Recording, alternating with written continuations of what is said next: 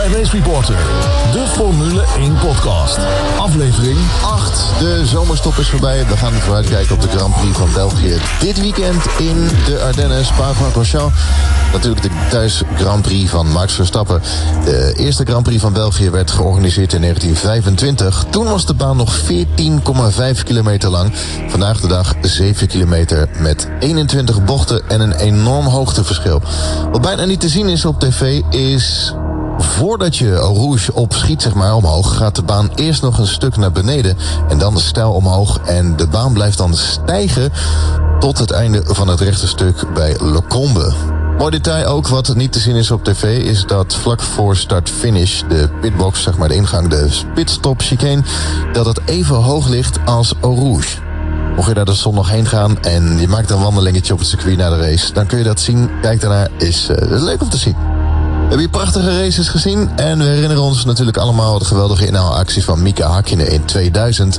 Waarbij Schumacher eerste lag en op een achterblijver uh, aankwam rijden. Zonta was dat. Schumacher koos de linkerkant, Mika Hakkinen de rechterkant en haalde zo Zonta en Schumacher in. En lag daarmee aan kop.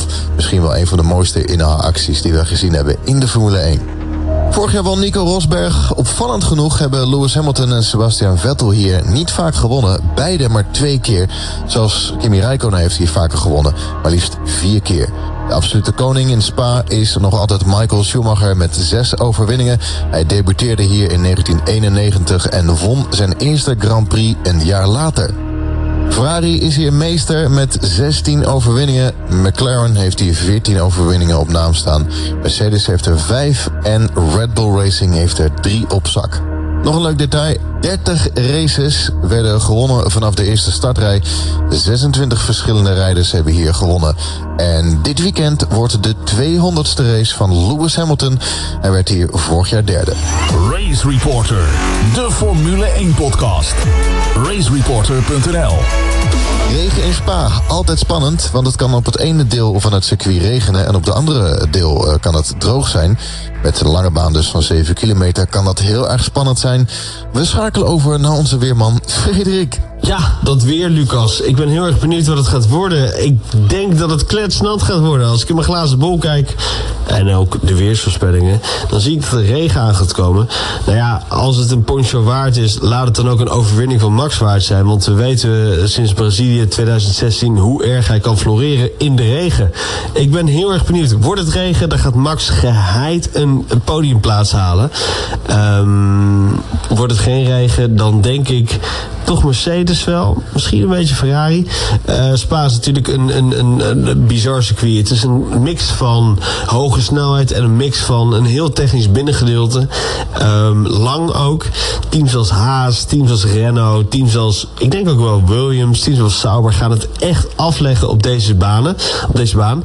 En um, nou ja, ik, ik, de, de, de, teams zoals Mercedes en Ferrari gaan toch wel met kopperschouders bovenuit steken. Vanmorgen, dinsdagochtend, werd bevestigd dat Kimi Räikkönen uh, volgend jaar ook rijdt voor het team van Ferrari. Dat is uh, best wel goed nieuws. En dat drukt ook de geruchten de kop in, uh, Lucas, die wij hadden begin dit seizoen. dat Räikkönen plaats zou maken, plaats zou moeten maken. Ik moet eerlijk zeggen, daar kom ik wel een beetje op terug. De laatste Grand Prix heeft hij gewoon erg goed gereden. En hij heeft gewoon bewezen dat hij zijn positie nog best wel waard is. Hij is overduidelijk de tweede man binnen Ferrari. En Vettel is overduidelijk de eerste man. Um, laat nog even duidelijk zijn dat Vettel volgens mij, naar mijn weten, nog geen contract heeft getekend.